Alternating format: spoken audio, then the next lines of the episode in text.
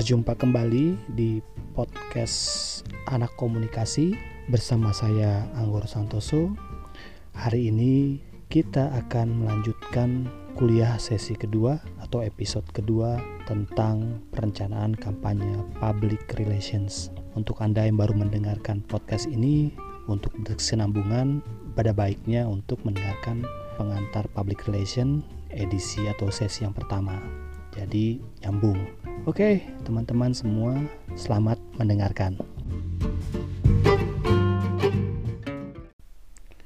Oke, untuk mengantarkan materi perencanaan kampanye PR, saya menggunakan referensi beberapa buku, salah satunya adalah Manajemen Kampanye, buku panduan teoritis dan praktis dalam mengefektifkan kampanye komunikasi publik ini karya Dr. Antar Venus MA.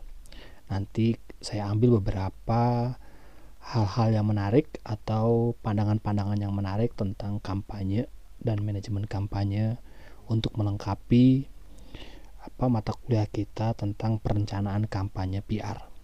Oke. Dalam buku manajemen kampanye ini di situ tertulis tentang pengantar dari Dr. Jalaluddin Rahmat ya tentang kampanye. Ada contoh kasusnya sangat menarik yaitu contoh kampanye publik atau kampanye pilpres waktu itu di Indonesia. Ya, artinya kampanye capres ini seperti dicontohkan bahwa membutuhkan dana yang besar walaupun saat itu dilaporkan ke KPU dana kampanyenya itu di bawah 5 miliar. Tapi kenyataannya pada prakteknya itu lebih dari 10 bahkan 20 miliar untuk perencanaan kampanye. Nah, di sini ada pertanyaan-pertanyaan menarik dari Jalaluddin Rahmat mengatakan bahwa apakah e, dana yang sedemikian besar untuk kampanye itu efektif? Lalu dana kampanye itu dari siapa? Itu kan pasti dari lembaga-lembaga atau sektor-sektor swasta yang memiliki kepentingan-kepentingan terhadap pemerintah nanti jika terpilih. Ya kan? Kemudian bagaimana nanti ada konflik kebijakan ketika dari presiden calon presiden yang didukung itu uh, terpilih menjadi presiden Nah, ini pasti ada ada konflik kepentingan dan akhirnya bisa e, berdampak buruk terhadap jalannya roda pemerintahan. Itu seperti yang yang kita contohkan terjadi di beberapa kasus-kasus tertentu ya di Pilpres. Sehingga sulit untuk memutuskan kebijakan-kebijakan karena memang ada kepentingan-kepentingan yang terselubung. Dari kampanye capres ini kita melihat bahwa ternyata dari dana yang sebesar itu tidak sebanding dengan efektivitas dari sasaran yang dituju atau keinginan yang dituju tidak berbanding bahwa kampanye semakin besar dananya akan semakin efektif. Nah, ini harus dilakukan yang namanya evaluasi kampanye.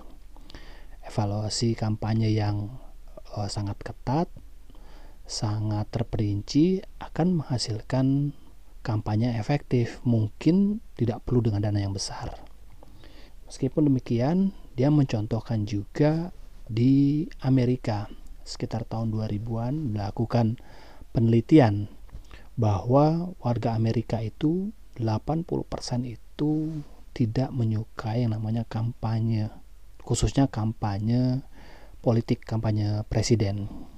Ya, karena satu banyak dipengaruhi oleh kampanye-kampanye negatif, membuang-buang biaya yang cukup besar, dan juga tidak mewakili dari konstituen dari eh, masing-masing uh, pemilih. Nah, inilah yang akhirnya uh, dapat disimpulkan bahwa kampanye itu ternyata tidak mudah ya. Kampanye tidak mudah harus dilakukan penelitian terdahulu penelitian dulu gitu kan baru mulai dilakukan kampanye hal itu kenapa? Karena akan berdampak pada feedbacknya, berdampak pada biaya.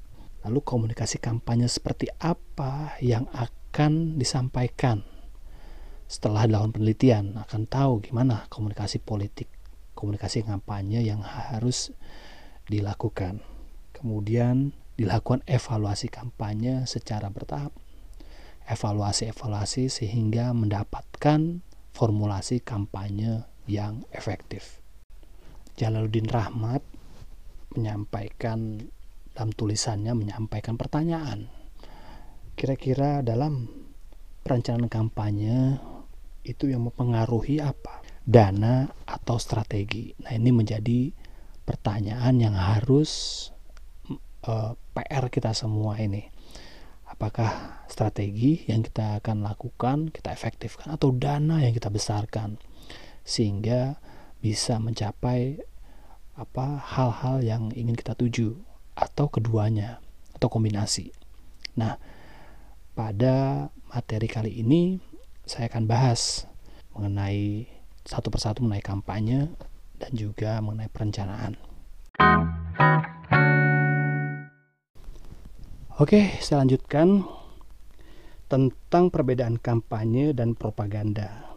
Ya, pasti ada perbedaannya. Ada delapan perbedaan antara kampanye dan propaganda. Dalam kampanye, dari sisi sumber, kampanye itu biasanya sumbernya itu jelas.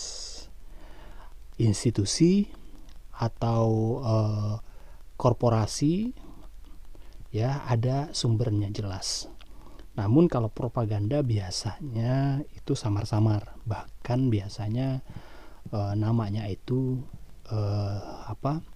tidak jelas. Kemudian dari sisi waktu, dari sisi waktu dalam kampanye itu dibatasi oleh waktu karena menyangkut target dan juga tujuannya harus ada batas waktu Sementara di propaganda itu tidak tidak terikat dengan waktu. Pokoknya yang penting adalah pesan itu sampai, pesan itu bisa diterima, gitu kan? Pesan itu masuk gitu entah berapa lama pun dia tujuannya itu gitu kan tidak ada batas waktu kemudian dari sifat gagasan atau idenya adalah terbuka untuk umum kalau kampanye bahkan kampanye gagasannya itu bisa didiskusikan atau bisa diperdebatkan sebelum menjadi sebuah kampanye publik. Namun kalau propaganda biasanya tertutup. Dia ide-idenya atau gagas-gagasannya itu tertutup dan sudah mutlak benar menurut pendapat pengikut-pengikutnya yang propaganda itu sudah pasti benar ini gitu kan.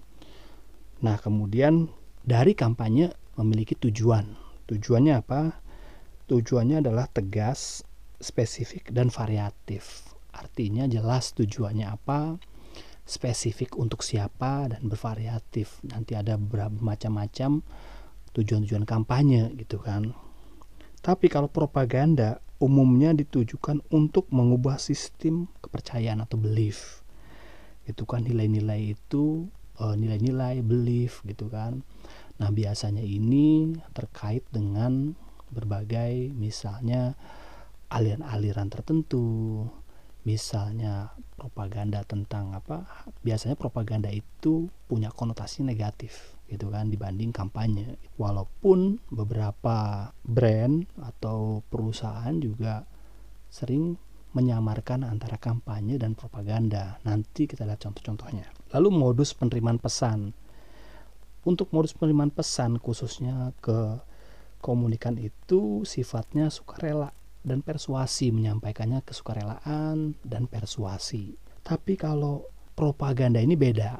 Propaganda ini biasanya dibarengi dengan ancaman, dibarengi dengan apa paksaan bahkan kekerasan. Nah, ini yang yang biasanya terjadi. Lalu modus tindakan urus tindakan kalau untuk kampanye biasanya diatur kode bertindak atau etika ada aturannya ada SOP-nya ada panduan-panduannya untuk melakukan kampanye tertentu Tapi kalau propaganda itu tanpa aturan, tanpa arahan yang jelas, semua serba boleh, yang penting tujuan. Jadi sifatnya ini kalau dalam filsafat itu uh, pragmatis, pokoknya tujuannya penting sampai gitu kan.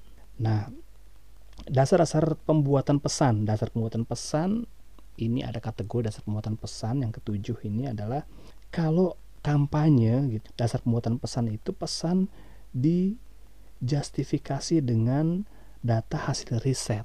Ada data pendukung untuk menyampaikan sebuah kampanye. Itu kan ada data pendukung, ada hal-hal yang biasanya disosialisasikan karena karena data tersebut makanya dilakukan kampanye. Tapi kalau propaganda itu biasanya pesan dikonstruksi secara manipulatif. Jadi data itu dikonstruksi sedemikian rupa, pesan itu dikonstruksi sedemikian rupa sehingga orang pendengarnya atau masyarakat yang mendengarnya bisa teriyakini walaupun tidak ada data, data-data manipulatif, data-data hoax mungkin. Yang penting tujuannya adalah bagaimana bisa mempengaruhi, bisa percaya orang dengan propaganda itu.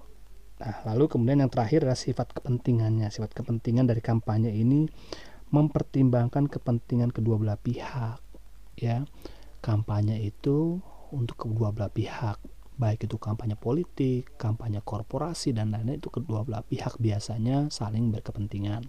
Tapi kalau propaganda itu biasanya untuk kepentingan sepihak si pembuat propaganda ini pasti ya. Nah, inilah bagaimana kita bisa memetakan atau mendefinisikan kampanye dan propaganda itu lebih jelas. Dari sini kita bisa lihat bahwa kampanye adalah serangkaian tindakan komunikasi yang terencana dengan tujuan menciptakan efek tertentu kepada sejumlah besar halayak yang dilakukan secara berkelanjutan pada kurun waktu tertentu. Itu seperti dikutip dari Rogers and Torrey 1987. Nah, ini artinya jelas jika Anda uh, menjelaskan tentang kampanye bahwa kampanye beda dengan propaganda yang artinya kampanye ini harus memenuhi kriteria-kriteria tadi sumbernya jelas, pesannya seperti apa, kemudian tujuannya untuk kedua belah pihak dan lain-lain. Nah, ini sebagai dasar kita untuk masuk ke program-program PR karena ini kampanye secara umum bisa PR, bisa kampanye politik, kampanye komunikasi publik dan lain-lain.